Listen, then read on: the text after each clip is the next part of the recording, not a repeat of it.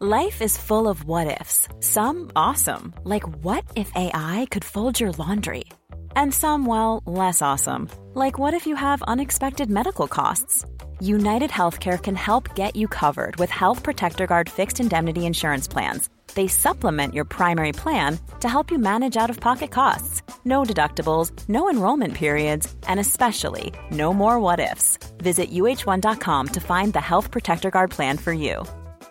When you're ready to pop the question, the last thing you want to do is second guess the ring. At Bluenile.com, you can design a one of a kind ring with the ease and convenience of shopping online. Choose your diamond and setting. When you find the one, you'll get it delivered right to your door. Go to Bluenile.com and use promo code LISTEN to get $50 off your purchase of $500 or more. That's code LISTEN at Bluenile.com for $50 off your purchase.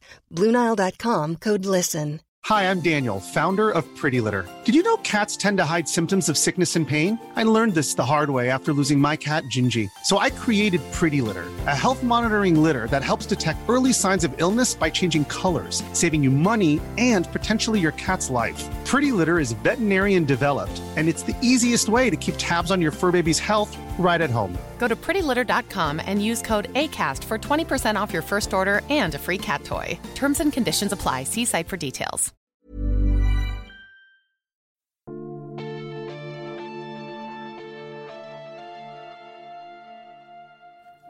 Fytterackarn! Välkomna till Sagan om Isfolket-podden avsnitt 77 Häxan. Jag heter Dan och med mig har jag Anna. Hej Anna! Det där var jätteskumt Dan. Ja, jag tänkte att jag förstod inte riktigt vad det här uttrycket betydde så att jag bara skriker i början av avsnittet. Ja, och jag kan förstå det. I den här boken var det väldigt mycket gamla uttryck i en kaotisk framtidsvärld. Ja, Och jag är inte helt säker på detta. vad sjutton är ett gudslån? Någon, jag vet inte. Det låter som att det är någon jätteung tjej som har blivit könsmogen. Typ. Ja, det är så hon liksom tolkar in det. Men jag är så här, mm, det känns inte helt okej. Nej, ungefär som hela den här boken inte känns helt okej. Men lite så. Kommer du ihåg att vi pratade i förra avsnittet om det här med att hoppas att nästa bok inte innehåller så mycket häxorger och så? Ja, men det är ju inte det största problemet med den här boken. Nej, det finns många problem med den här boken. Jättemånga problem faktiskt. Men de börjar ta tag i rasistproblemet, Dan. Ja, genom, ja det är, i alla fall är det någon som påpekar det. Och det är bra. På en väldigt liten nivå. Men ska vi börja med... Vart fasen börjar vi med, Dan? Ja, vi kan väl börja med Griselda och Thomas Levelin. Och jag tänker börja med något positivt den här gången. Oj, vadå? Alltså delen som vi börjar med här, att det är ute i världen för 300 år sedan, någonstans i Salem, Massachusetts, historiska värld. Det gör mig bara så övertygad om att det är det här Margit ska syssla med. Hon ska skriva historiska böcker och högfantasy.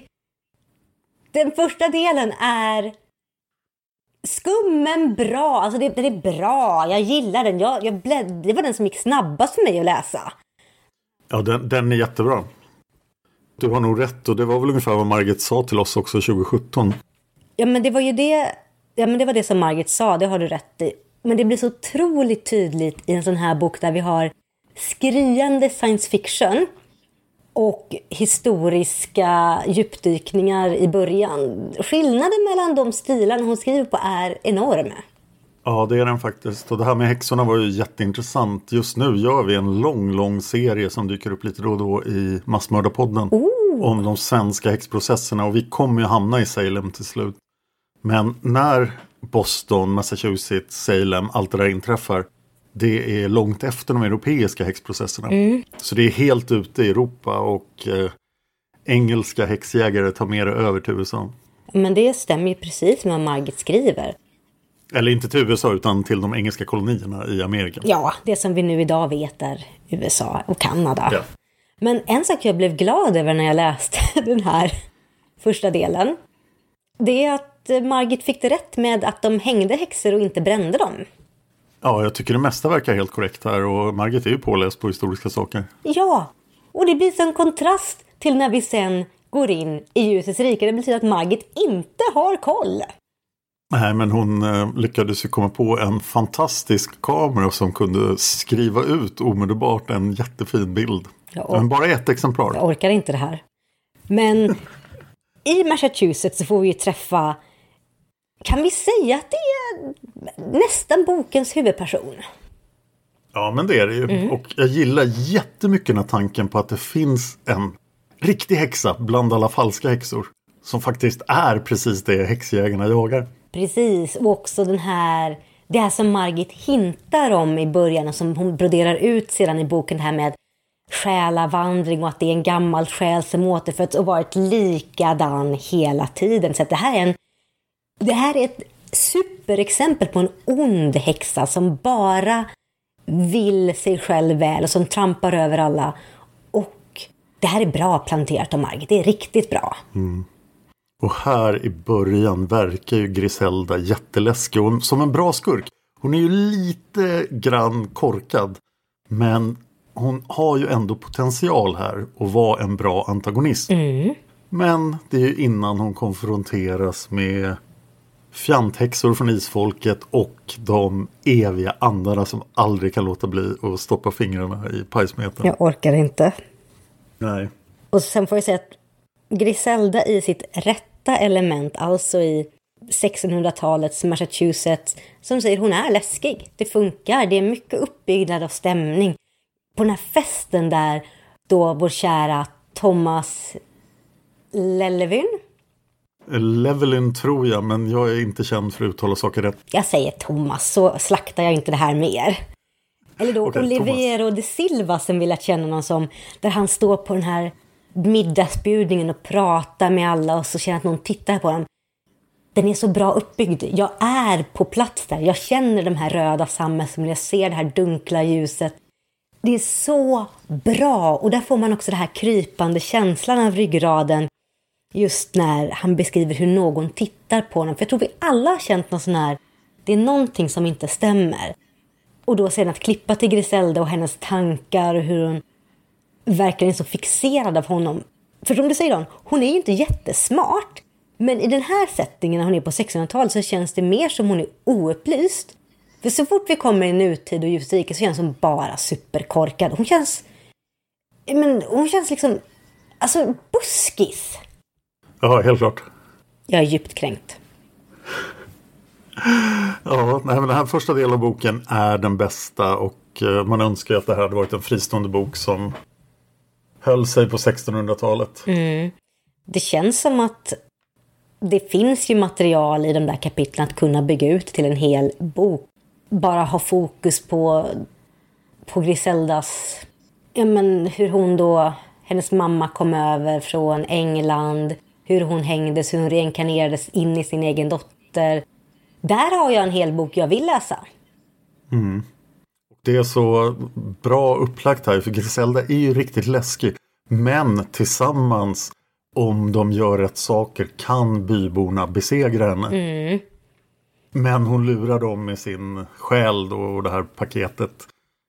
Allt är ju bra. Det är inte som, eh, som slutet av boken. Nej.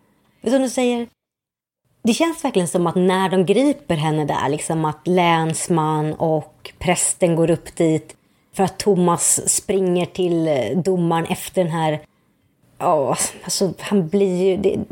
Jag hävdar att eftersom man inte har koll på att han vill och inte så är det en klockren våldtäkt, punkt och slut. Ja, ja. Och, men när han ändå så här, "Vi- ni måste gå dit nu. Alltså det är så här, det är överraskningsmoment, hon hinner inte, tankarna liksom flyger överallt. Det är perfekt. De, de lyckas liksom där. Ja, absolut. Det är hur bra som helst. Men sen måste vi tyvärr ta oss till ljusets rik. Den enda fördelen där känner jag efter vi har lämnat då Griselda som hängts och Thomas som raglar ner i någon gruva och träffar på främlingarna som Som man ju gör. Ja, som man ju gör. Och de bara, men det här verkar vara kul att ta med. Alltså vi tar med den här. Det är lite grann som man träffar på en kattunge i skogen. Man bara, men du får följa med hem. Man bara, men nej. Sluta. Främlingarna måste ju seriöst se över sin rekryteringsprocess till ljusets rike. Ja, och i den här boken blir det också klart att de inte gör kroppsvisitering på folk. Och till och med Margit känns ju lite trött på att främlingarna tar in vem som helst som bara ja, främlingar är inte de starkaste kaninerna i korgen att bedöma människors karaktär. Vi bara really? de starkaste kaninerna i korgen. ja, men det, det, vad ska man säga liksom? Jag förstår vad du menar. Mm. Jag har två mystiska ord från den här första biten som jag skulle vilja gå in på. Oho. Ja, det första är bondånger. Vet du vad det är? Nej. Det är en tv-serie från 1997 men det är inte det hon menar. Utan det är skamsen, ånger, samvetskval, kalla fötter. Alltså att man ångrar sig. Och man kan tydligen inte bara säga ånger utan måste säga bondånger. Som att man ångrar sig som en bonde? Ja, för bönder är ju kända för att ångra sig. Bara, Nej, jag skulle inte ha sått vete här. Det skulle varit råg. Åh. Eller? Kanske. Hänger det här ihop med bondkakor? Som jag äter en bondkaka, jag skamsen då också att det är en skamkaka? Det vet jag inte, du måste nog fråga lyssnarna. Mm. Bondånger och bondkakor, har de en, ett samband? Vad tror ni? Mm. Men, och det andra ordet, det får jag inga träffar på överhuvudtaget. Spännande. På nätet. Det är häxformulär. Jag tror att vi har stött på det någon gång innan. Det verkar vara en slags besvärjelse. Mm. Men det står äh, på sid 55. In i denna nya skinnpåse stoppar hon de magiska ting hon ville ha där. Alla åtföljda av en innerlig besvärjelse eller ett häxformulär. Det tyder ju på att det är skillnad på besvärjelse och häxformulär. Det kanske är en icke innerlig besvärjelse. Men, eh, när man säger så här formulär tänker jag liksom på ett noggrant ritat pappersformulär där man fyller i. Så det kanske är att hon sa en, en besvärjelse och sen gjorde en innehållsförteckning på en liten lapp och stoppade med. Eller så är det ett formulär. Vill du att den som blir förbannad av det här ska bli dödad? Så är det kryss. Så är det förlamad, kryss, blind, kryss. Kan man kryssa i. Men jag har för mig att vi har sett på det här begreppet i Häxmästaren någon gång där de, där de säger åh men Moris eh, gallra skiljer sig från någonting, någonting häxformulär. Alltså det, det är någon konstig översättning måste det vara. Ja, jag funderar på om det här har blivit ett översättningsfel och det egentligen ska vara häxformler. Kanske någon som kan eh, norska kan säga vad det heter på norska. Silja Arngrimsdotter, var är du? Hon är nog där ute. Ja. Hej Silja Arngrimsdotter. Hej! Sen har vi ju bokens stora katastroffel som vi kan ta upp här också. Mm -hmm. På sid 66. Du vet vilka jag menar. Du menar att uh, Ingrid kom in? Ja, 1746 tror jag att det var. Alltså det borde ju Indra ha koll på för hon var ju med när Ingrid kom in. Ja, det var inte bara Ingrid utan det var alla andra också. Ja, så det är så här, okej okay, Indra, har du fått minnesförlust innan du blev slagen i huvudet med en stor pinne? Det är alltså 250 år innan Indra själv lämnade den vanliga världen. Och fortfarande. Ingrid kom in samtidigt med Indra. Det är som när de har suttit på samma plan. Och Indra kommer inte ihåg detta.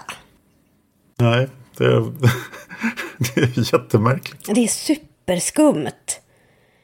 Ah. Eh, men vi, vi är ljusets rike, vad händer där då? Det enda bra som händer med att vi är i ljusets rike är att vi får träffa Indra igen. För jag, med den här boken känner jag att jag cementerar min uppfattning om att Indra är fantastisk. Oj, mm. motivera det. Ja, men jag, jag tycker jättemycket om Indra. Hon funkar perfekt för mig som person i den här boken.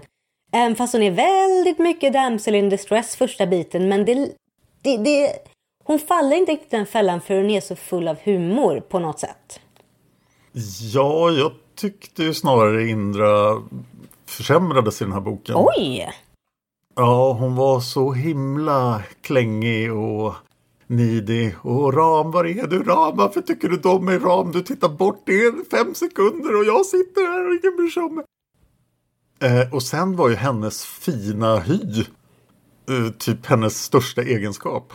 Att alla bara pratar om, nej men hon som hade så fin hy. Ja, men det tycker jag inte är så mycket Indras fel som alla andras fel som är tydligen ytliga skal av människor.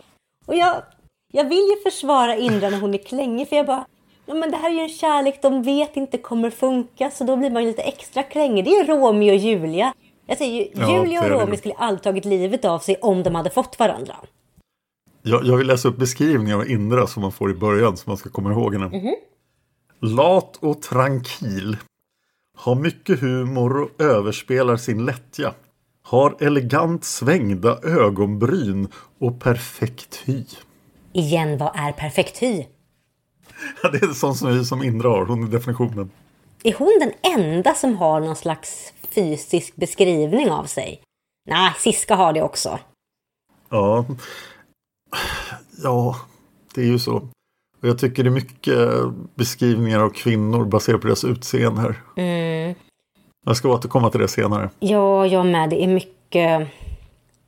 Jag förstår ju så väl vad Margit vill. Hon, vill. hon är medveten om att det finns ett stort persongalleri. Hon vill att vi har koll på personerna. Men det funkar inte. Och vi vet ju att Margit kan beskriva folk jättebra. Både, eh, både inre och yttre kvaliteter. Och så att bara fokusera på hennes hy blir konstigt. Men, men. Jag hade ju den underliga upplevelsen att jag har läst stora delar av den här boken högt för en stackars människa som eh, inte hade läst någon Isfolket-bok tidigare. Alltså Dan, varför gör du det här mot folk? Ja, men det var ett väldigt intressant experiment. Jag tror den här boken var ganska bra för det. Var det intressant för dig eller för personen som blev utsatt för detta? Ja, jag fick ju fortsätta så att det måste ha varit intressant för den personen också. Oj, kors i taket. Men det var särskilt intressant just med hur otroligt mycket karaktärer det är i den här boken. Eh, ja, alltså det här är en bok som man bara känner att det är, det är så mycket att hålla koll på. Fast det gäller ju alla böcker i Ljusets rike i och för sig. Utom kanske den första. Ja, gud. Ja, okej. Griselda kommer tillbaka till slut. Ja, hurra. Och det blir lite olika tidshopp. För vi är på Ljusets rike. Indra blir nedslagen. Efter att hon försöker liksom att prata med då Thomas Olivero de Silva. Och sen så får vi liksom en hopp tillbaka då som säger till eh, nutiden 2009. Ja, jag undrar ju verkligen hur Griselda kan veta var hon är någonstans. För Boston verkar ju helt ha svalt den här byn. Allting har förändrats. Hur vet hon?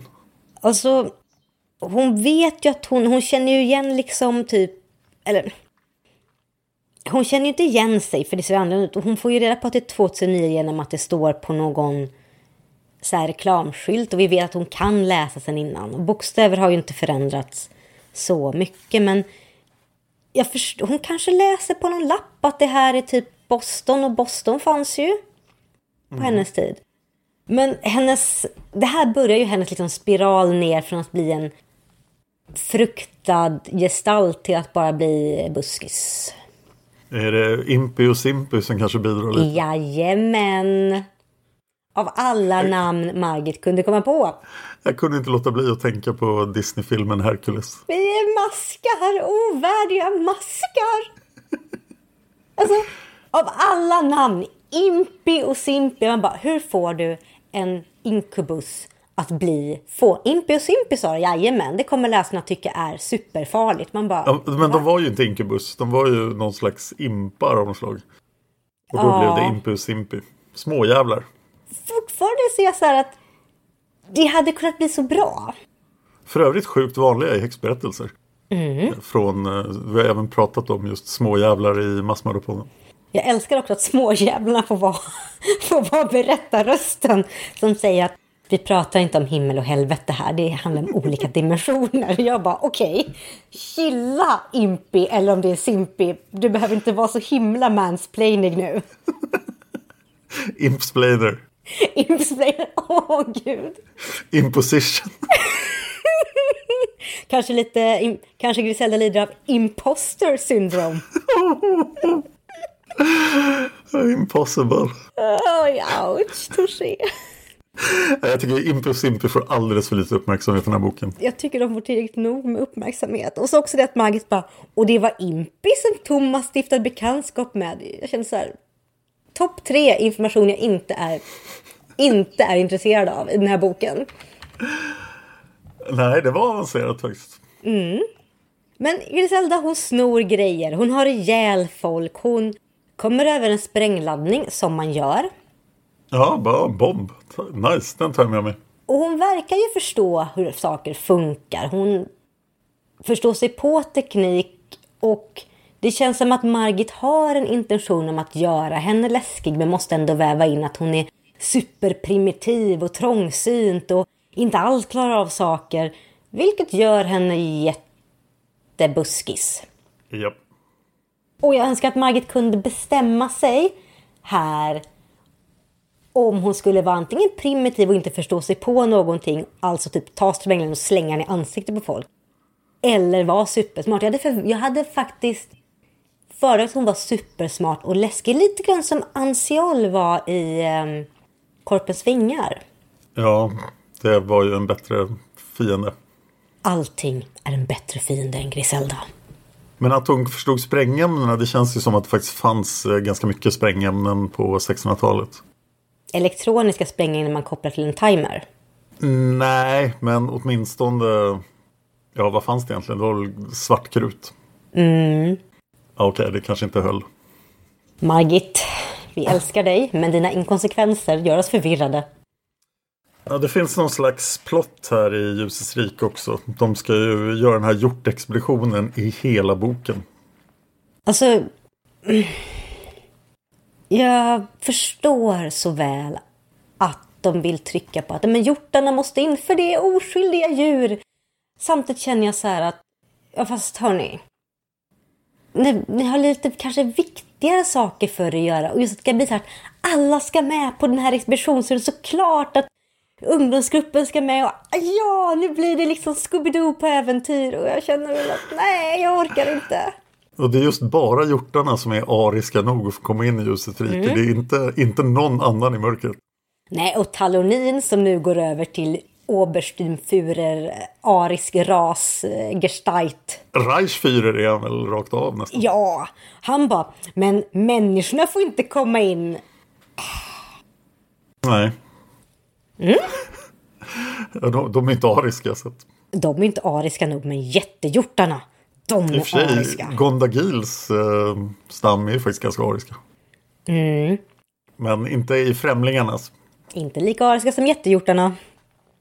mm. Ja. Hey, I'm Ryan Reynolds. Recently, I asked Mint Mobile's legal team if big wireless companies are allowed to raise prices due to inflation. They said yes. And then when I asked if raising prices technically violates those onerous two-year contracts, they said, "What the f*** are you talking about? You insane Hollywood ass." So to recap, we're cutting the price of Mint Unlimited from $30 a month to just $15 a month. Give it a try at mintmobile.com slash switch. $45 up front for three months plus taxes and fees. Promoting for new customers for limited time. Unlimited more than 40 gigabytes per month. Slows. Full terms at mintmobile.com.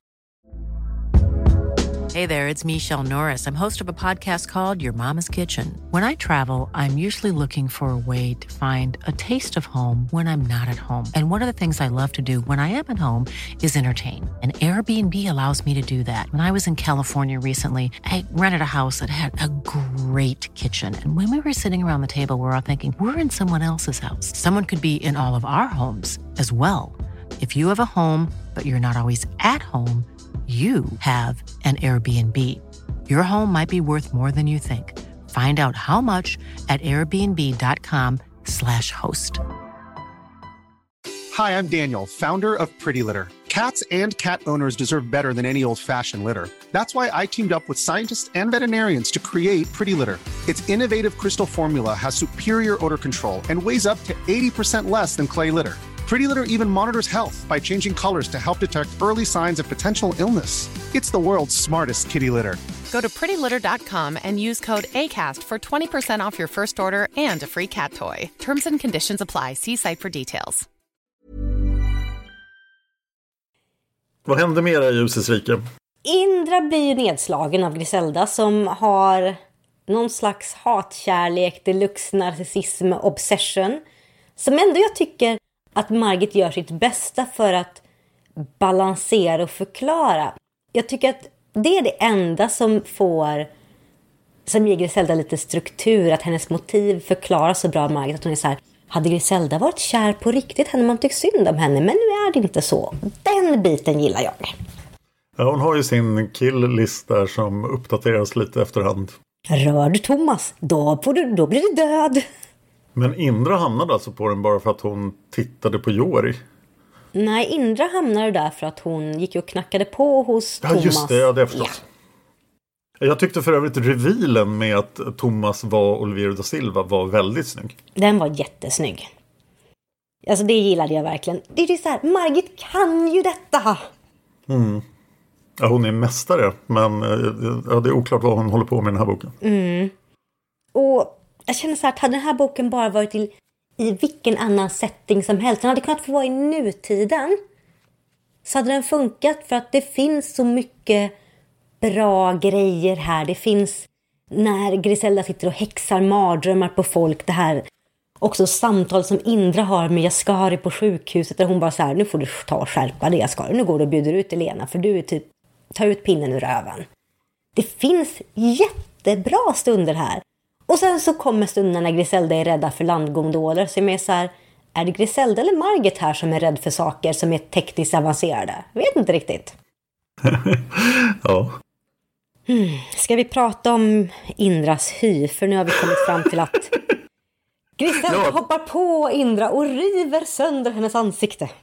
ja, hon slår ju mot eh, Indras främsta egenskaper. Hennes hy. Tydligen.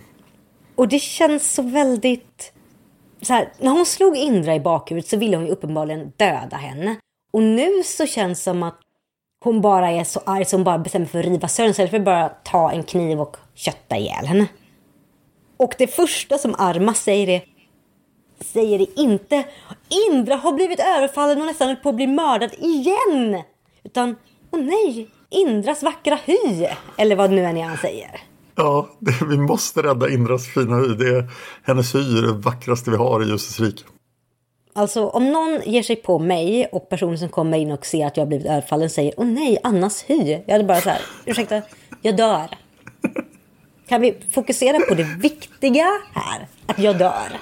Det är jättemärkligt. Och, och sen så kan vi ju inte ha att Indra blir av med sin hy. För vem kommer och ska rädda dagen? Marco! Ja, som För uppenbarligen... han hann före Dolg och Safiren. Varför har de ens sjukhus i Ljusrike? Alltså måste, det måste inte vara standard på det här sjukhuset bara så här, nej, någon har ont. Dolg, Marco, kom hit. ja. Åh. Gud, där. Ja. Men vi måste ju få in Marco och få lite mer aktiv roll för honom här, tänker jag väl att Margit har en tanke om.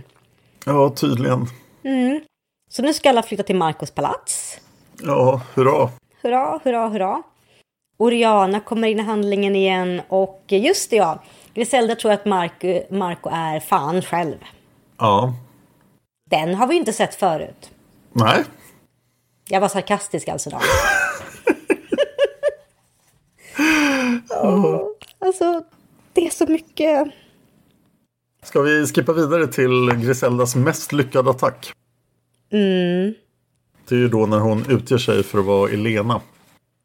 Efter eh, Jaskari och Elenas, heter han Jaskari eller? Ja, han säger att, att Griselda uttalar hans namn. Han säger Jaskari, så det är Jaskari. Okej, Förlåt alla lyssnare som har rätt uttal. ni får skälla på oss. Det får ni. Vi har ju då alltså den här jättegulliga dejten där de är så himla söta och eh, ja, eh, så att det är äckligt. Men Ja. sen kör Griselda sin jätteavancerade häxmagi då och antar Elenas form. Jag får säga här, jag älskar att jag älskar att i den här boken att Griselda verkligen, är en, hon är en riktig häxa av den gamla skolan. En riktig ond häxa med magi och pulver. Men också att det tar lite tid för henne att förbereda ritualerna, för det har vi inte sett sedan Sol och Ingrid och Ulvhedins tid. Det är ju bra. Så är det verkligen så här, ja hon står med upp till armbågarna i kära och barnfett. Och jag bara, okej. Men det är så här, det är inte att knäppa med fingrarna som Marco och Dolg gör. Vilket hade blivit kul om Marco och Dolg inte hade varit här. Ja, Ja, nu får du fortsätta.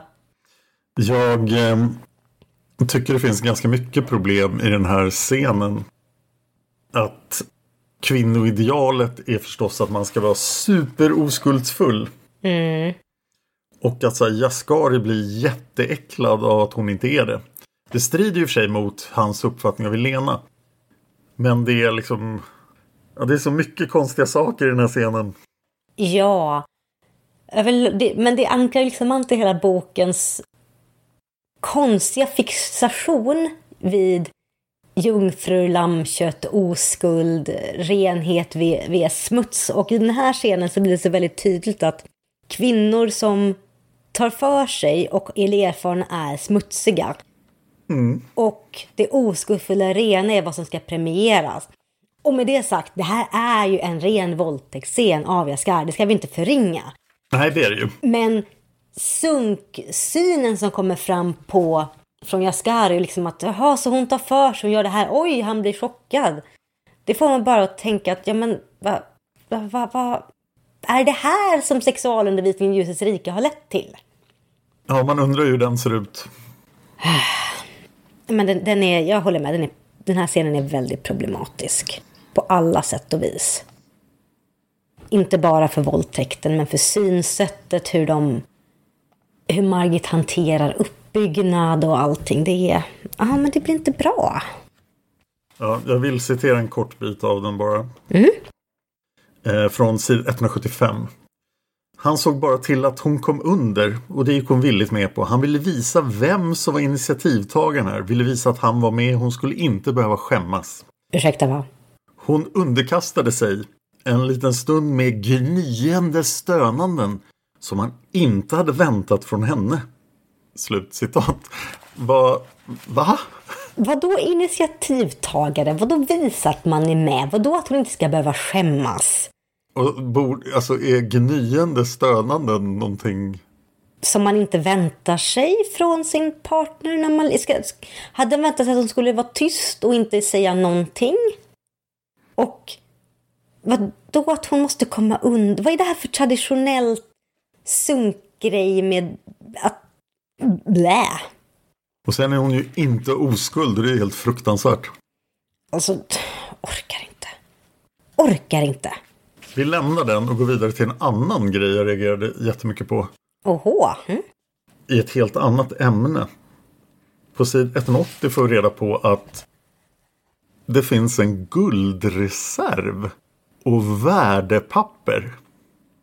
Jag har ju uppfattat Ljusets rike som... eh, Helt kontantlöst. Ja, lite som Star Trek liksom. Resurserna går dit de behövs och det finns inga... Ja, vi har ju sett pengar tidigare i och för sig. Har vi det? Jag tror vi såg pengar om Förutom i de... Ja, men i resten så känns det bara som att de... det bara funkar. Men värdepapper, vad är det här? Jag har investerat och köpt aktier i Nya Atlantis. Jag har köpt aktier i Luftgondoler AB. Ja, och man äger ju inte sina hus på det sättet som jag förstår för att man blir tilldelad ett hus. Så man behöver inte pengar för att köpa hus. Marken och sånt är fritt. Kläderna känns som de bara så här poppar upp. Så ja, vad, vad innebär guldreserv? Vad innebär värdepapper? Är det kanske värdepapper i olja? Jag vet man aldrig. Ja, en del av solen. Men och vad ska de med guld till? Varför är reserven guld? Främlingarnas hemliga plan. Att ta över den intergalaktiska guldmarknaden, va? Uppenbarligen. Ja. Det känns som att här så tog Margits eh, framtidsvision slut. De bara, men guld och värdepapper. Vilket igen, den här hade passat jättebra när skrivits i nutid. Men det funkar inte i en futuristisk värld där hon har byggt upp ett system där det inte finns några pengar. Nej. Okej, Griselda härjar vidare och gör lite små saker. Det går sällan bra. Men vi glömmer det viktigaste Dan i hela boken. Va, vad glömmer vi? Ja, Indra och Ram. Nej, Precis! För Åh. Indra och Ram, de kan inte få varandra. Det är så tragiskt. nej, för de måste lida Überstormens Führer Gestalterhund, vad han nu än heter. Ja. Som säger att ni inte får titta på varandra, ni får inte röra vid varandra. Ram får inte veta om att Indra ligger på sjukhus. Och någonstans känner jag så att det här bryter förmodligen mot alla jobbkontrakt i världen och eh, personlig identitet och Ram bara, ja men det är väl så det är. Ja, och vi får ju reda på vad Talonin, varför Talonin gör som han gör. Och det var ju i och för sig bra, men lite konstigt. Det är jättekonstigt. Vi går tillbaka till det lite senare. Men fördelen med att Indra och Ram inte får varandra är att vi, vi läsare blir ju underhållna till väldigt mycket scener där deras romans får ta lite plats och där det blir känslor från båda sidor och verkligen uttrycks hur hårt de har fallit för varandra. Ja, men jag tycker Indra har ju inget förtroende för Ram. Hon blir ju så här förstörd så fort han tittar bort i fem sekunder. Ja, och det är väldigt olikt Indra. Men där ändå Marco får förklara liksom att under det här hårda skalet så är hon rätt känslig för det. Och jag kan nog svälja det. Så här, när jag tänker tillbaka på hur man var när man var lite yngre och kär för första, andra, tredje, fjärde, nittonde gången. Och den, den man var kär i hade besvarat kärleken men sen ignorerade. Det rubbade ju en hela ens värld. Och man förvandlas från den här supersjälvsäkra människan till bara så här, nej men ingen tycker om mig, nej men då går jag och hoppar ifrån. Ja, jag antar att det finns en viss igenkänningsfaktor här. Eh, ja. Så jag säger, det är inte värdigt, det är olikt Indra, men eh, oj så relaterbart det var för mig. Jag var så här, jajamän, jag har gjort det där också. Jag gillar också att Marco är någon slags relationsdoktor eh, här. När hans enda relation han någonsin har haft har varit med en kvinna som satt uppspänd i en gång. som han sen gav bort till sin bror. Och kom ihåg, det, han vet ju att eh, Indra och Ram inte är några sexmonster bara därför. Ja, det kändes inte som ett ord jag förväntade mig från Marco. Sexmonster. Och hur vet han att de inte är sexmonster? Ja, det vill vi inte veta. Det är någon sån här svarta salarnas. Ja, men han har ju bara haft sex en gång. Hur kan han veta om folk är sexmonster? Han kanske övervakar alla ljusets rike. Ja, oh, gud. Det skulle inte förvåna mig. Vad gör Marco egentligen? För att han var ju i Atlantis, sen lägger han typ all tid i världen på att hela Indras ansikte. Mm. Och så är han relationsexpert. Och medlare. Och säger till Talonin att nu får du fucking skärpa dig. Ja, hela relationen med, mellan Marco och främlingarna är ganska mystisk. Det är den första person de har godkänt som jämlik med dem. Men han får ändå inte komma in i främlingområdet. Men han får ett palats så han är... Ja, Ja, och Marco säger verkligen att nu tycker jag ni börjar bli lite rasister. Börjar bli rasister, Marco? Jag, jag hickade till väldigt hårt av det, att någon, någon faktiskt märkte någonting. Mm -hmm. Det var bra, Marco. Sedan önskar jag att Marco hade dragit lite vidare där och inte bara lämnat det. Men jag tror vi är tacksamma för varje smula vi kan få här som call out främlingarna. Observera hur otroligt vit och privilegierad Marco är i ljusets rik. Vilket är intressant eftersom Eftersom han, han inte har ett vithetsprivilegium alls. Jo, men det har han nog faktiskt. Han, det? Lucifer-privilegium då kanske. Ja, just Svartängel-privilegium. Mm. Åh, herregud. Jag håller på att göra en serie 29 avsnitt om den första spaningsledaren i Palmemordet, Hans Holmér. Och jag gav just ut avsnitt 26 av det i Palmemordet. Mm. Och då granskar jag Hans Holmers författarskap. Och jag tycker att den här boken har Margit närmat sig Hans Holmér för kvinnor beskrivs i Hans Holmers böcker bara som om de har långa ben, snygga vader eller stora bröst. Och när då Linore dyker upp till slut, som vi har hört talas om ganska mycket tidigare, Mm, men inte med namn, men bara som Rams före detta Nej, käresta. hon har ju aldrig varit i, i historien. Nej. Men nu beskrivs hon då som en formfulländad kvinna. Jag bara, va? Hur är man formfulländad? Alltså jag kan tycka att en sockerkaka är formfulländad. Men det lät som någonting som Hans Holmér skulle kunna skrivit. Jag bara sitter och tänker på formfulländade saker. Ja. Och det enda som kommer till mitt sinne är först kakor. Sedan saker man gör med lera. Mm.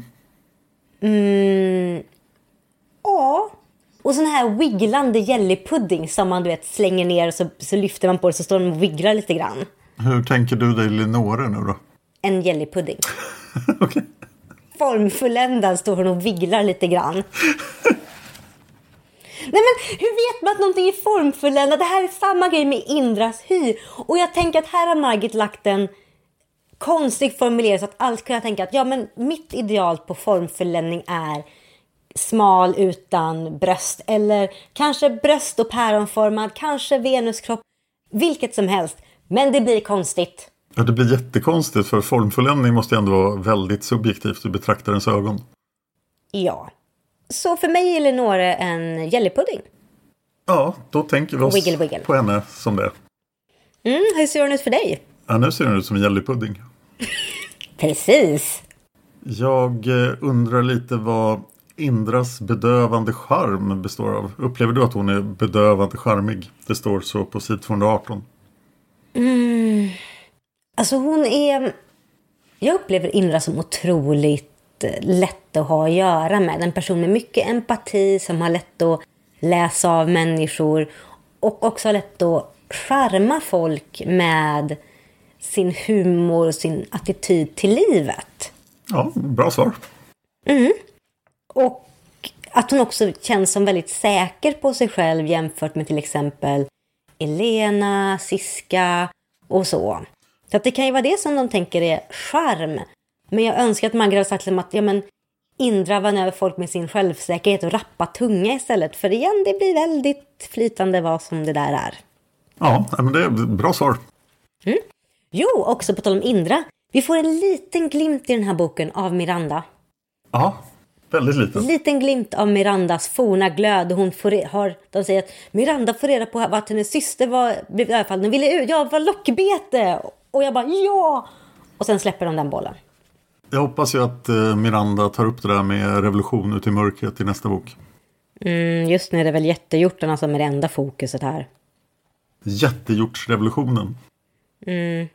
Hon rider in i ljusets rike och krossar murarna på en jättehjort. Jag hade varit helt okej med det.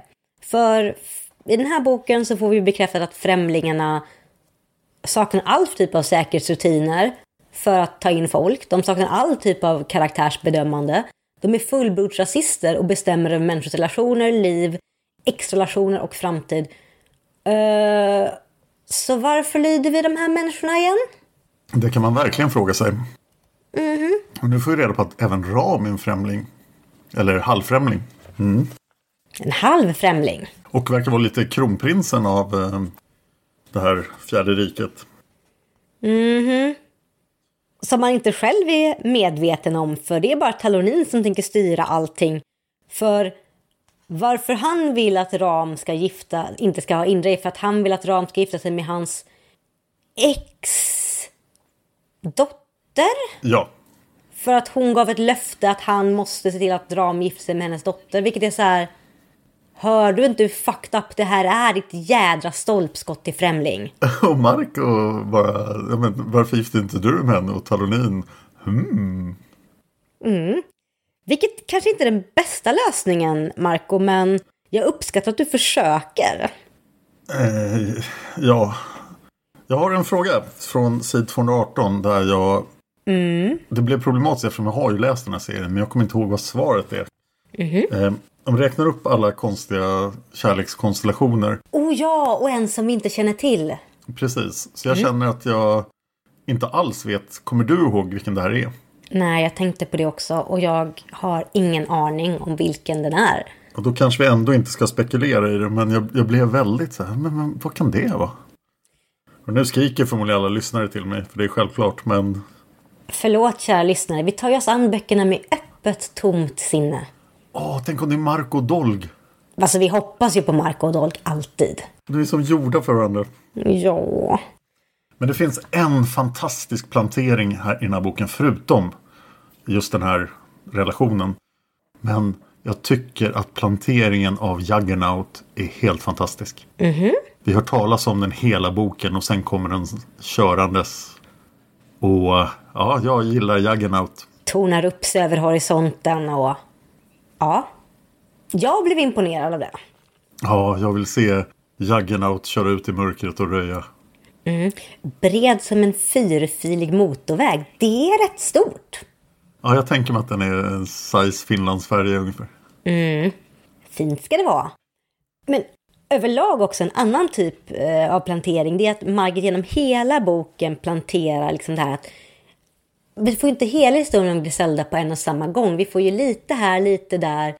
Och att det, så här, det är själen. Men det löses ju inte i den här boken. Nej, det är ju charmigt att hon lyckas gömma påsen och eh, att de inte hittar den. Mm.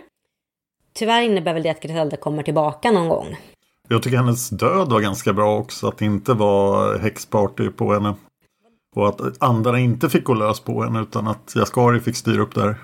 Bokstavligt talat så styrde han ju upp det här. Ja. Men häxpartyt då? Nej, inte häxparty. Jo, nu måste vi prata häxparty. Jo, du. Nej, Sol, vad har hänt med Alltså, vad gör Tobba där? Vad gör någon där? Och vadå det yngre än de svagaste häxor, den svagaste isfolket? Jag blev kränkt. Ja. I min bok är inte Yngre den svagaste häxan i isfolket. Nej. Alltså vi snackade om häxan på Grossesholm satt och kokade ihop häxbrygder, stuvade alrunor och sedan hängde med ett gäng demoner. De bara, hon är den svagaste. Ack och ve hur de mäktiga har fallit. Och Tobba som bara kommer tillbaka från de döda lite poff pang. Jag hade mycket poff-pang över hela den scenen. Och mm, jag vill så gärna tycka om Sol igen. För att vi kände ju att det kanske gick åt rätt håll, att hon inte var så mycket clown. Och ja, Dan, nu får du ta över för nu håller jag på att få hjärtsnörp. Ja, vi kan ju prata om madragernas eh, genpolitik. Jaha, mm, mm. Ja, det har ju varit ett stående problem eftersom de är tre killar och en tjej. Så hur ska de göra? För att rädda rasen. Så ja, Misa verkar ha ett förhållande med en av dem. Så där, där finns någon slags icke-teknisk eh, relation. Ja, Misa hade väl känslor att vara ihop med någon i Häxmästaren. Så att man kan alltid hoppas att det har... De lyckades dra lott så att hon faktiskt fick bli ihop med honom. Och då tänker vi oss att madragen har fyra distinkta genuppsättningar så att de inte är släkt med varandra från början. Vilket de ju rimligtvis kanske borde vara, men det är de inte. Eh, Vi bara förutsätter det. Eh, Och då ska Misa och den här lyckliga madragen då få barn. eh, Förmodligen flera stycken och någon av dem måste vara en dotter. Och sen kommer alltså madragkille nummer två eller madragkille nummer tre och få ihop det med den här dottern. Och förhoppningsvis då få då en dotter till. Som går då till resterande madragkille. Och då får ju alla förstås Misas gener. Men de får ju så olika gener som det går. Ja. Ja. Så jag ville bara kontrollera att jag hade förstått det här rätt. Det är ju väldigt skumt och eh, det är lite som när Marco säger till Tarmin att du kanske ska gå och flirta med din, ditt döda ex-dotter så känner jag så här att det är väldigt mycket som skaver här. Det är ju förstås en otroligt svår situation för en art om det bara finns fyra individer kvar. Jag tror inte, jag har fått lära mig att det behövs minst 15 individer för att rädda en art. Så att det här är ju det bästa de kan göra förmodligen. Men det lämnar ju lite solkig smak i munnen. Och återigen associerar jag med Nazityskland. Ja. Och jag tänker så här att det hade nog funnits bättre sätt att lösa det här på Ljusets rike som kan allt. Det känns som att det hade kunnat kanske göras på någon slags konstgjord väg istället för det här planen. För den är... Den skaver. De kan klona Misa så får alla en Misa. Nej, nej, det är väl inte så bra heller. Nu gick det fel igen. Det, De det är kan mycket. byta kön på en av de andra madragerna. Jag tänker att de kunde liksom plockat ut ägg och alltså så här, att det inte blev den här... Jag vet inte riktigt. De hade kunnat lösa det på ett annat sätt tänker jag. Ja, de hade kunnat undvika att madragarten blev eh, utplånad i, eller ner till den här nivån på fyra individer. Mhm. Ja, jag tror vi lämnar det där. Vi kommer nog inte lösa det. Nej. Jag gillar också hur allting bygger upp till den här jättehjortsexpeditionen och så hamnar den i nästa bok. Ja, och också det att de skalas ner för det här var jättetraumatiskt och alla måste typ tänka över om de verkligen vill detta vilket får mig att känna så här, ja men okej. Så den onda häxan blev överkörd av en juggernaut och då tycker hälften att vi måste gå hem och eh, KBT oss bort ifrån detta. Jag förstår dem. Jag förstår dem inte. Jag tror många skulle behöva KBT här. Alla skulle behöva KBT här, men de som behöver mest KBT är de som åker ut i mörkret. Ja, jag gillade att det tog upp en veterinär också, den här listan över folk. Mm. Var kom han ifrån? Men det lät ju bra att ha. Ja, men lite sådär. Men så här, om man tittar på de som ska ut i mörkret med Ram, Miranda, Gondagil, Jaskari, Lena, tre väktare, bla bla bla. Alla behöver terapi.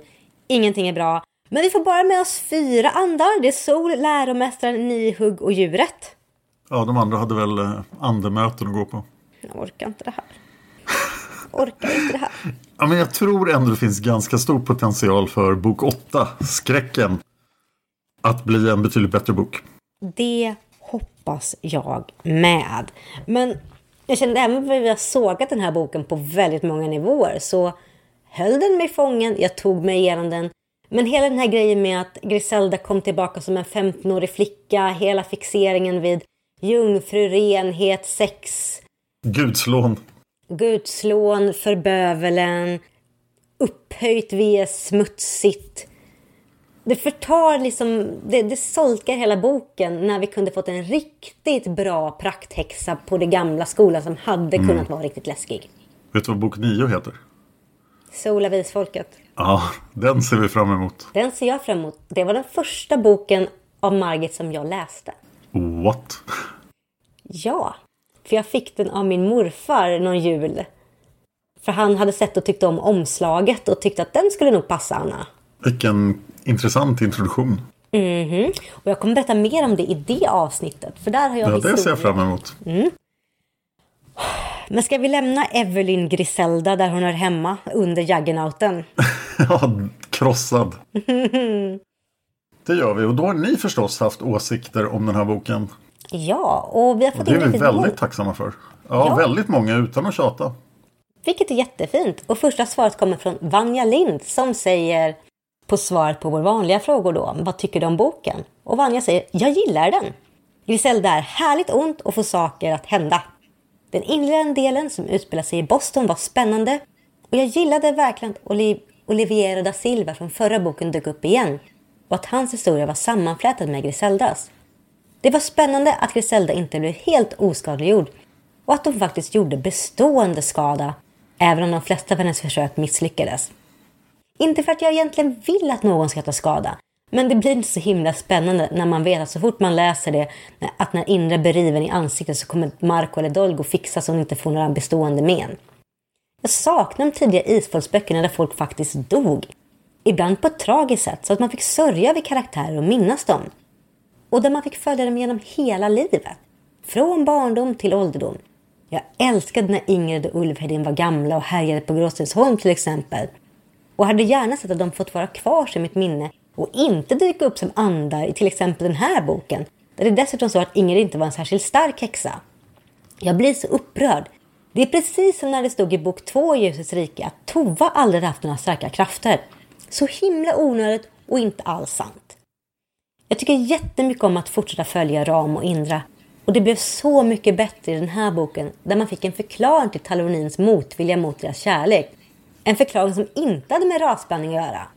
Ser fram emot att fortsätta läsa om dem. Är så fina. Favoritögonblick i boken. Jag gillade scenerna i slutet då de väntar på juggernauten och anar att Griselda finns ibland dem eftersom maten är förgiftad. Ögonblicken när Indra framkallade fotot och såg Griseldas riktiga skepnad var läskigt. Favoritkaraktär? Indra. Gillar att följa händelserna ur hennes perspektiv eftersom hon är smart och rolig och till skillnad från många andra en helt vanlig människa utan några magiska krafter. Jag tycker mer och mer om Ram, särskilt när han visar tydligt hur starkt han känner för Indra. Och nästa svar kommer från Cinzia från Nor som tycker om boken Den är bra. Jag gillar hur mycket Griselda kan hitta på och hon har verkligen potentialen att vara superläskig.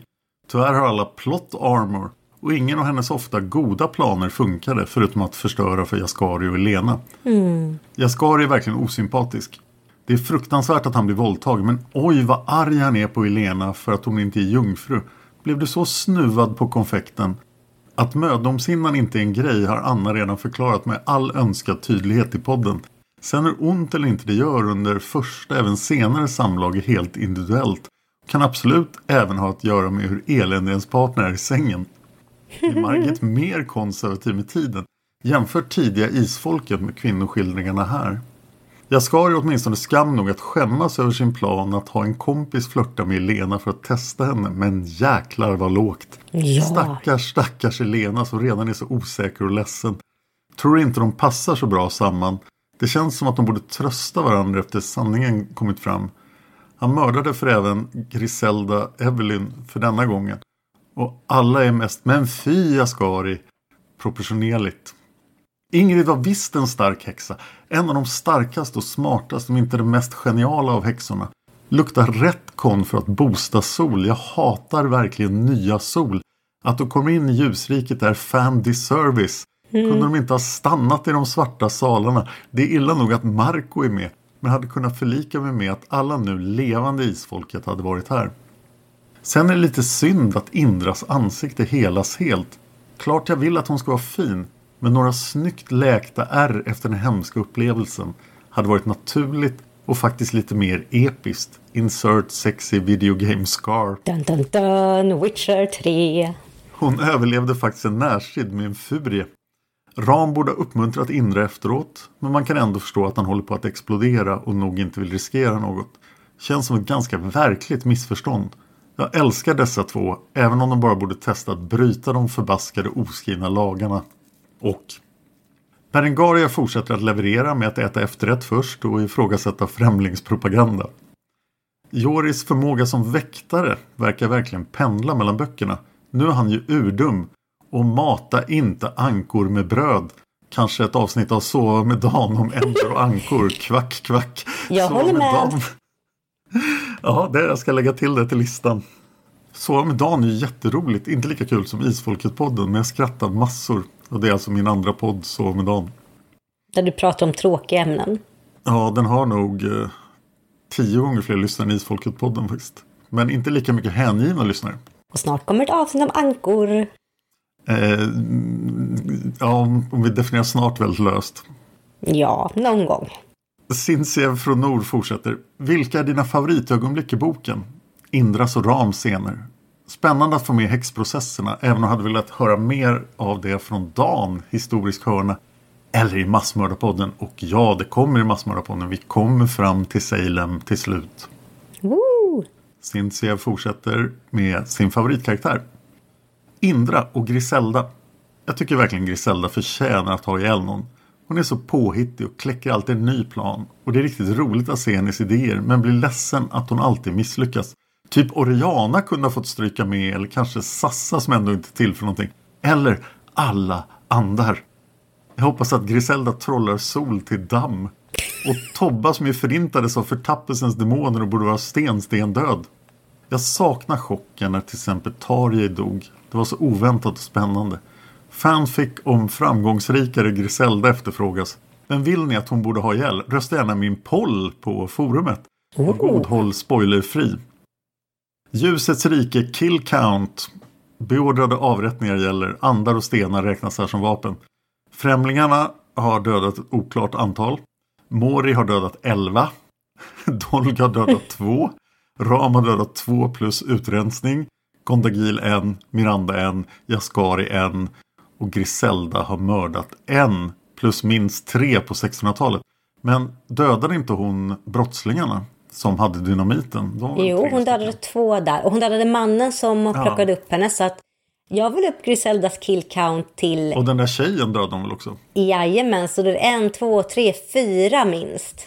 Fyra mördade av Griselda men ingen i ljusets rike. Nej, det är sant. Men jag vill ändå räkna med dem hon dödade utanför. För att hon dödade dem för att komma in i ljusets rike. Typ. Kanske. Ja, vi Mm. får debattera det med Cinzia från Nord. För i så fall, så om, om vi bara räknar i ljusets rike så har inte Gondagils kill count räknats heller. För han dödade Harem utanför ljusets rike. Cinzia, vi vill ha ditt svar i recensionerna till nästa bok. Yes, hur ska vi räkna rätt? Hur ska vi räkna kill counts? Nästa svar kommer från Rymdkatten som säger Jag är lite kluven. Har förstått att detta är en favorit i serien för många. Jag tillhör inte den skalan. Men å andra sidan är jag också en av de ytterst få som älskade häxmästaren ännu mer än isfolket. Vågar man ens skriva det? Känns lite som att svära i kyrkan att skriva det här. Och jag, Rymdkatten, du får säga det. Det är helt okej. Okay. Rymdkatten fortsätter. På det stora hela är Häxan en ganska bra bok med en kompetent skurk som är mer handlingskraftig än de flesta. Indra och Rams historia fortsätter och det är helt klart de delarna av boken jag tycker bäst om. Det är fint att se deras samhörighet växa fram och hur de börjar visa sina känslor för varandra mer öppet. Här får vi även en förklaring till Talonins massiva motstånd mot deras relation. Jag är oerhört tacksam över att de inte börjar dravla som arter och raser ännu en gång. Däremot tycker jag inte att Talonins förklaring känns helt rimlig. Han säger uttryckligen att främlingarna känner kärlek på samma sätt som människor och lemurer. Om han nu själv har upplevt det så som man säger så borde väl han ändå ha någon sorts känsla för att det är fel att skilja två personer som älskar varandra åt. Eller är det helt enkelt så att främlingarna har förmågan att känna kärlek men inte empati? Varken Ram eller kvinnan i rådhuset, vad hon nu hette, verkar ha något egentligt intresse av att vara i en relation med varandra. Men det ska de alltså hetsats till, bara för att Talolinas gamla flamma ville ha det så. Främlingarna framstår just nu som rätt olämpliga föräldrar slash ledare slash vänner och att de tar sig rätten att gripa in och styra i andras liv är så fruktansvärt obehagligt. Märkligt nog minns jag inte om man reflekterade över när jag läste serien som 13-åring. Även om Talonin inte nämner art och ras lika mycket som han brukar i det här fallet är det ändå så vansinnigt mycket fokus på status. Ram är ett gott parti, han har så hög position, bla bla bla bla. Klassklyftor och att helt öppet och ogenererat se ner på dem som i Talonins ögon är mindre värda känns ungefär lika sunkigt. Att sen Marco håller med Talonin om att Indra och Ram inte bör bli mer än goda vänner känns superkonstigt. Varför det? Tycker han också att Ram är lite för fin för Indra? Alla främlingarna ser ju upp till honom så han borde inte vara rädd för att ha en annan åsikt. Något som också känns sunkigt är Jaskaris kvinnosyn. Jag vill tycka om honom, men det är svårt. Att han reagerar kraftigt på att blivit lurad och bedragen och att Griselda våldsamt på honom kan jag förstå till 100%. Det är synd om Jaskari. Men att han blir så upprörd och kränkt över att den han tror är Elena inte är oskuld är helt absurt. Var inte tala med han förnedrat Elena genom att låta henne tråla efter honom men inte få honom eftersom han inte kan tro på hennes kärlek. Så det är hennes eget fel alltså? Bara för att hon är sig själv? Klassiskt. Överlag händer det rätt mycket i den här boken, vilket är kul. Men det känns ändå väldigt mycket som en mellanbok. Trots att den egentligen är ganska spännande engagerar den mig inte riktigt och jag har svårt att sätta fingret på varför. Tror Margit är inne på rätt spår själv när hon vid något tillfälle skriver något i stil med att man hade kunnat ha sympati för Griselda om hon haft äkta känslor för Thomas, men att hon endast är ond. Jag hade mycket hellre läst om en inte helt svartvit karaktär. En duktig och farlig häxa med en motivation jag hade kunnat identifiera mig med. Det hade verkligen varit intressant.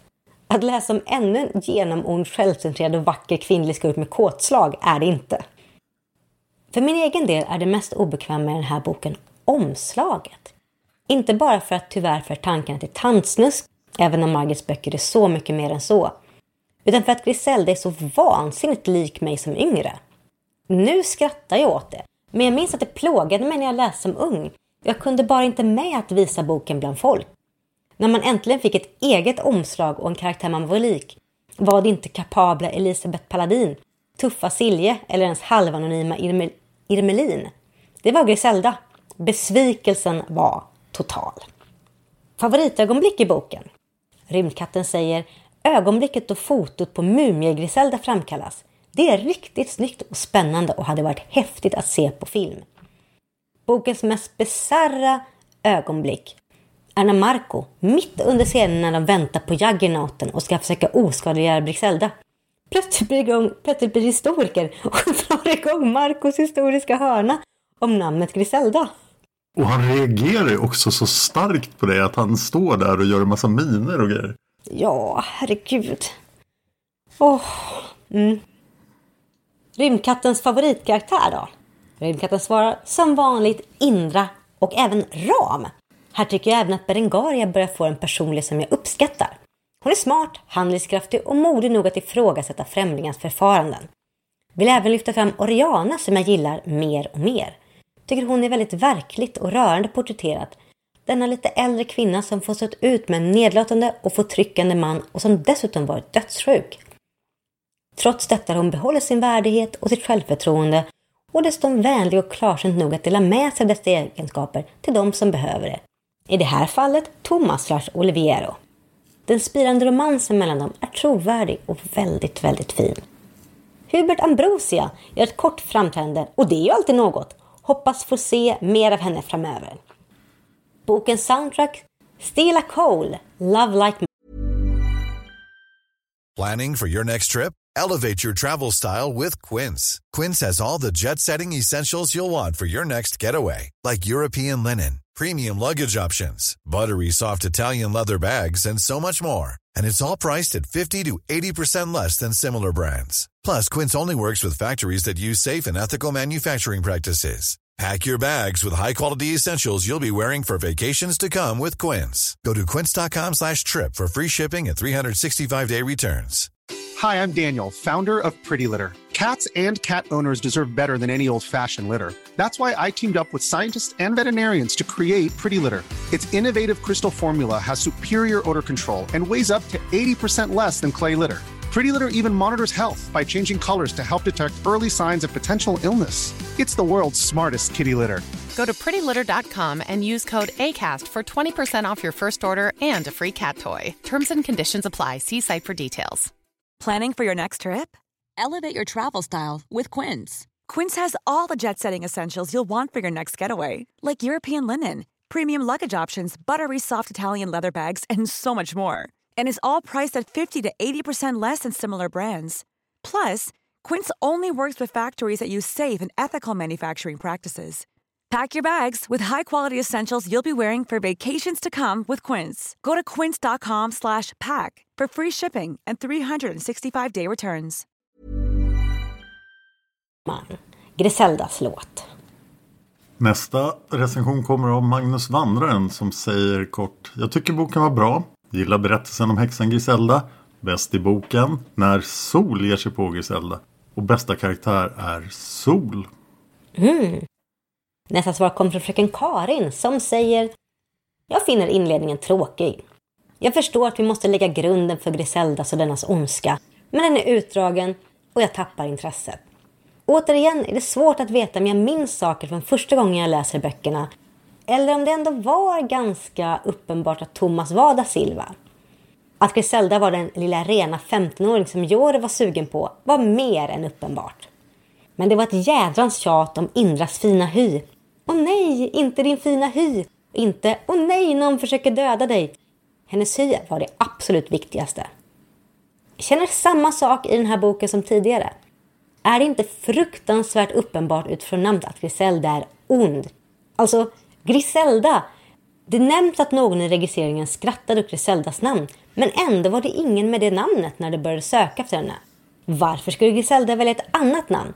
Hon visste väl inte ens med säkerhet att Thomas fanns där eller att hon kommit rätt. Varför skulle hon gömma sig för honom?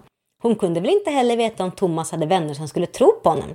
Plus, kan inte två personer heta samma sak? Om Thomas Griselda var 50 plus med, fall, med falnande rött hår skulle väl inte misstänka en 15-årig flicka med, med brunt hår skulle vara samma Griselda. Från början visste väl inte Thomas heller att hon återföddes. Nej, boken är inte den starkaste i Ljuset-serien. Det kan jag hålla med om. Mm -hmm. Nästa recension kommer från Lotus som skriver sitt första inlägg. Välkommen till forumet Lotus! Woho! Välkommen! Ni andra kan hitta forumet på shailina.se men det lättaste är bara att söka på Isfolket mellanslag forum för att hitta det. Mm -mm. Lotus säger Äntligen är jag i kapp. Jag har under några år lyssnat på ljudböcker när jag ska somna. Och för ganska exakt två år sedan ville jag hitta något spännande att lyssna på. Gärna en serie som räckte ett tag. Fick tips om Sagan om Isfolket. Och sedan dess är jag fast.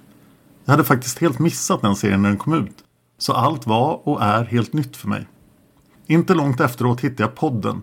Och har under de här två åren lyssnat mig igenom varje bok följt av ett poddavsnitt. Det har varit så roligt att få fördjupa sig i böckerna med analyser, synpunkter och olika åsikter. När jag har varit upprörd över saker i böckerna har det varit skönt att höra att ni också har reagerat på det. Likaså när jag tyckt att något var lite kul. Så jag älskar verkligen podden. Tyvärr inte iTunes, jag kan inte ge er betyg där. Men det kan ni andra göra. Gå gärna in på iTunes och ge oss betyg. Jajamän. Om ni lyssnar på ett Apple-device. Lotus fortsätter. Innan jag går in på den här boken måste jag bara komma med några korta reflektioner kring några tidigare böcker i serien. Är det bara jag som tänker på Lejonkungen när jag hör talas om Timons rike? Alltså Timon och Pumba. Det förstör så mycket för mig. Åh nej, Dan. Sedan var det någon, eh, Dan, som Ja. tog paralleller till Bamse i något tidigare avsnitt. Jag själv tänker väldigt mycket på Skalman när jag tänker på Miranda och hennes ryggsäck. Ja. Hon verkar ju precis ha allt som råkar behövas i den. Och då måste jag inflika just det, jag tyckte det var mycket Bamse i den här boken. Det var Silverskogen och Guldfloden och allt vad det var. Det lät som platser som skulle finnas i Bamse. Mm. Lotus fortsätter. Nu över till häxan. Den här boken var inte en av mina favoriter. Lyssnade mest bara för att komma vidare. Griselda var bara jobbig. Kom igen bara släpp att Thomas inte var intresserad av det. Gå vidare med ditt, dina liv. Okej att han fick dig dömd för häxeri men du hade ju upplevt det även i tidigare liv. Och dessutom så kommer du tillbaka igen. Håller helt med Sinsiev i det hon skrev om Jaskaris reaktion på att Elena inte var oskuld. Hur kan han vara så säker på det? Och om så inte är fallet än sen? Och varför var det så fruktansvärt att hon var så aktiv och på? Okej, nu var det egentligen Griselda, men det visste ju inte han. Jag tycker om kärlekshistorien mellan Indra och Ram. Det är den bästa och mest trovärdiga hittills i Ljusets rike.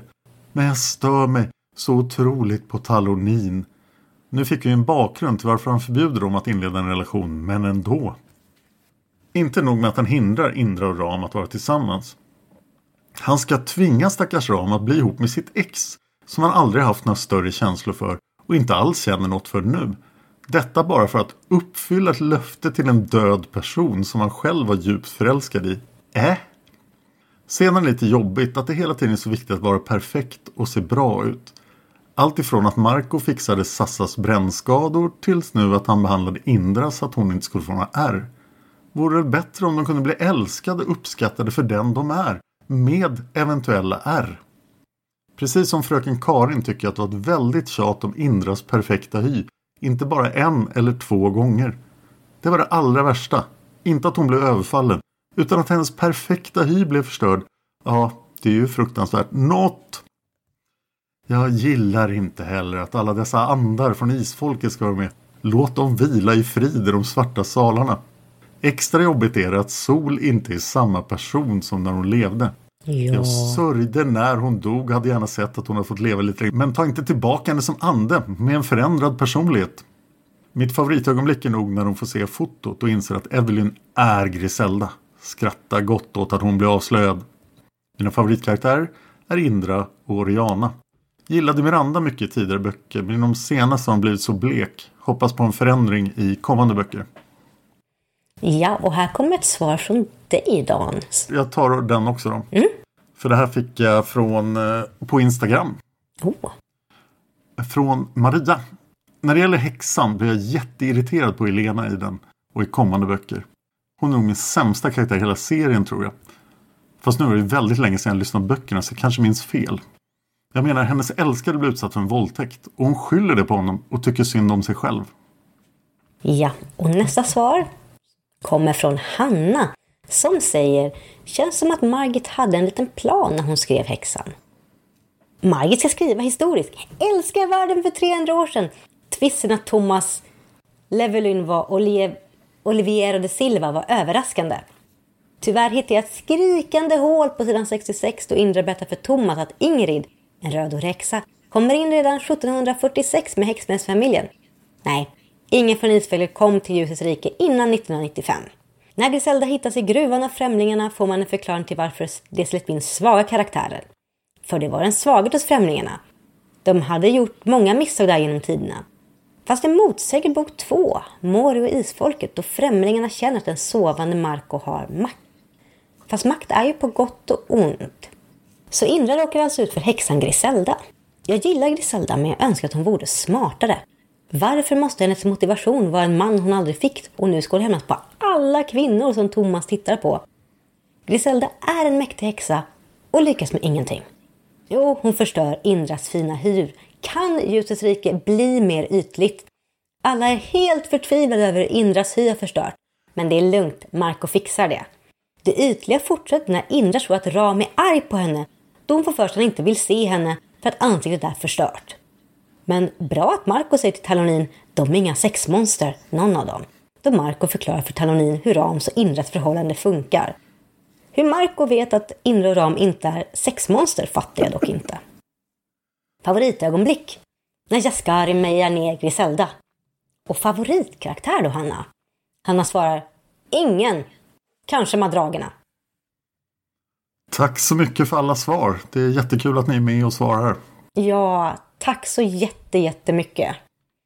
Vi ska också tacka våra kära Patreons som stöttar oss i vårt och torrt och ser till att vi håller humöret uppe. Men vi måste be om lite hjälp igen, Dan. Oj, måste vi göra det? Vi har ramlat under 100 dollar per avsnitt. Det är förmodligen någon av er som har eh, bytt kort eller fått ett nytt kortnummer. Ja. Och då fungerar Så logga in på Patreon och kolla upp det. Ja, gör jättegärna det. Och se till att vi kan fortsätta podda om Legenden om ljusets rike. För nu ligger vi under 100 och vi behöver fortsätta ligga på 100 för att vi ska köra nästa avsnitt. Jag har en liten bonus till er som är sponsorer på Patreon. Oh! För den 23 april 2024 skulle Margit Sandemo ha fyllt 100 år. Det gjorde hon ju tyvärr inte eftersom hon dog den 1 september 2018. Men eh, vi har bestämt oss för att fira det. Så vi kommer ha någon form av sammankomst den 19 april 2024 eftersom det är en fredag. Yes! Och den här sammankomsten kommer vi ha i Stockholm. Och detaljer kommer på Patreon. Men är ni medlemmar på Patreon när jag skickar ut den här inbjudan och den 19 april 2024 så är ni välkomna. Jag hoppas jag får träffa alla er där. Det hoppas jag med. Vi kommer ha otroligt mycket roligt och vi ser så fram emot att fira Margits födelsedag tillsammans med så många av er som möjligt. Ja, och nu ska Anna tacka individuella eh, Ja, sponsorer. jag sitter med listan uppe. För vi vill så gärna tacka alla er som stöttar oss. Så vi vill säga tack till Kaja Brännberg, Ingrun Solberg, Veiga Gudleifsdotter, Emelie Bergstedt, Anne Frid, Charlie, Maria Boman, Anna Bengtsson, Kickan Ahlström, Jenny Johannesson, Elin, Johanna Gustafsson, Josefin Westman, Hanna Eriksson, Maria Samuelsen, Eidan L. Rydhammer, Ingrid Johansson, Solveig Gudnadottir, Desiree Lindmark, Monica Nyhus, Magnus Rask, Maria Andersson, Mystika Ferry, Hanna Naversjö och Karin Källström. Tack så jättemycket. Det är ni som håller den här podden igång. Och det här är ju då vårt nionde år som vi poddar om isfolket. Ja, och vi är extra tacksamma eftersom att vi har haft ett lite... Det har varit långt mellan vissa avsnitt. Så vi är extra tacksamma att ni hänger kvar och stöttar oss och peppar oss med alla era insikter om böckerna. Fytterackarn. Vad Nej, betyder pass- det Det egentligen? passar inte där heller tror jag. Nej, är det ett skällsord? Jag ska hitta en rätt användning för det i framtiden. Det måste du göra, Dan. Ja, iTunes-recensioner har vi redan pratat om. Var kan lyssnarna hitta mer av dig, Anna? Ja, man kan hitta mig på Twitter, det heter jag Anna Seras. Och man kan hitta mig på Instagram, där heter jag Setsuna Seras. Jag blir jätteglad om ni följer mig där. Och Dan, vad hittar man mer av dig? Ja, det bästa stället att hitta mig är Instagram och Twitter. Jag heter ju Dan Hörning så är lätt att hitta. Jag vill också nämna, om ni vill höra mig vara lite avslappnad, så firade vi att Mördarpodden som jag gör med Josefin Måhlén just nådde 100 avsnitt. Och det firade vi med fem avsnitt där vi sitter och pratar om podden. Så har ni lyssnat på Mördarpodden så lyssna gärna på de här jubileumsavsnitten för det blev väldigt roligt tycker jag själv. Jag kan tänka mig det. Ja, det, var, det tog fem år att komma upp i 100 avsnitt. Vi får spida på här, Dan. Ja, det får vi göra. Men för, för att göra Mördarpodden behöver man inte läsa en hel bok innan. Det är sant. Och det finns mycket mer mord än vad det finns Sandemo-böcker. Ja, tyvärr. Det vore en Ja, fin tyvärr. värld om det fanns mer Sandemo-böcker än det fanns mord. Det vore en jättebra värld. Men nästa gång Dan, då ska vi dyka in i skräcken. Skräcken, var inte det en gammal Tarangajer het- som hette Skräcken, eller hur? En drabbad på Tarangaj-sidan. Åh nej, ska Margit börja återuppliva gamla drabbade nu igen? Och då kanske vi får se min favorit Vintersorg som hade så vackert namn och sen var helt värdelös. Vill du verkligen se Vintersorg i en ny tappning? Ja, han kanske kan bli förändrad av Ljusets rike och bli som jag föreställde mig att han skulle se ut innan han dök upp.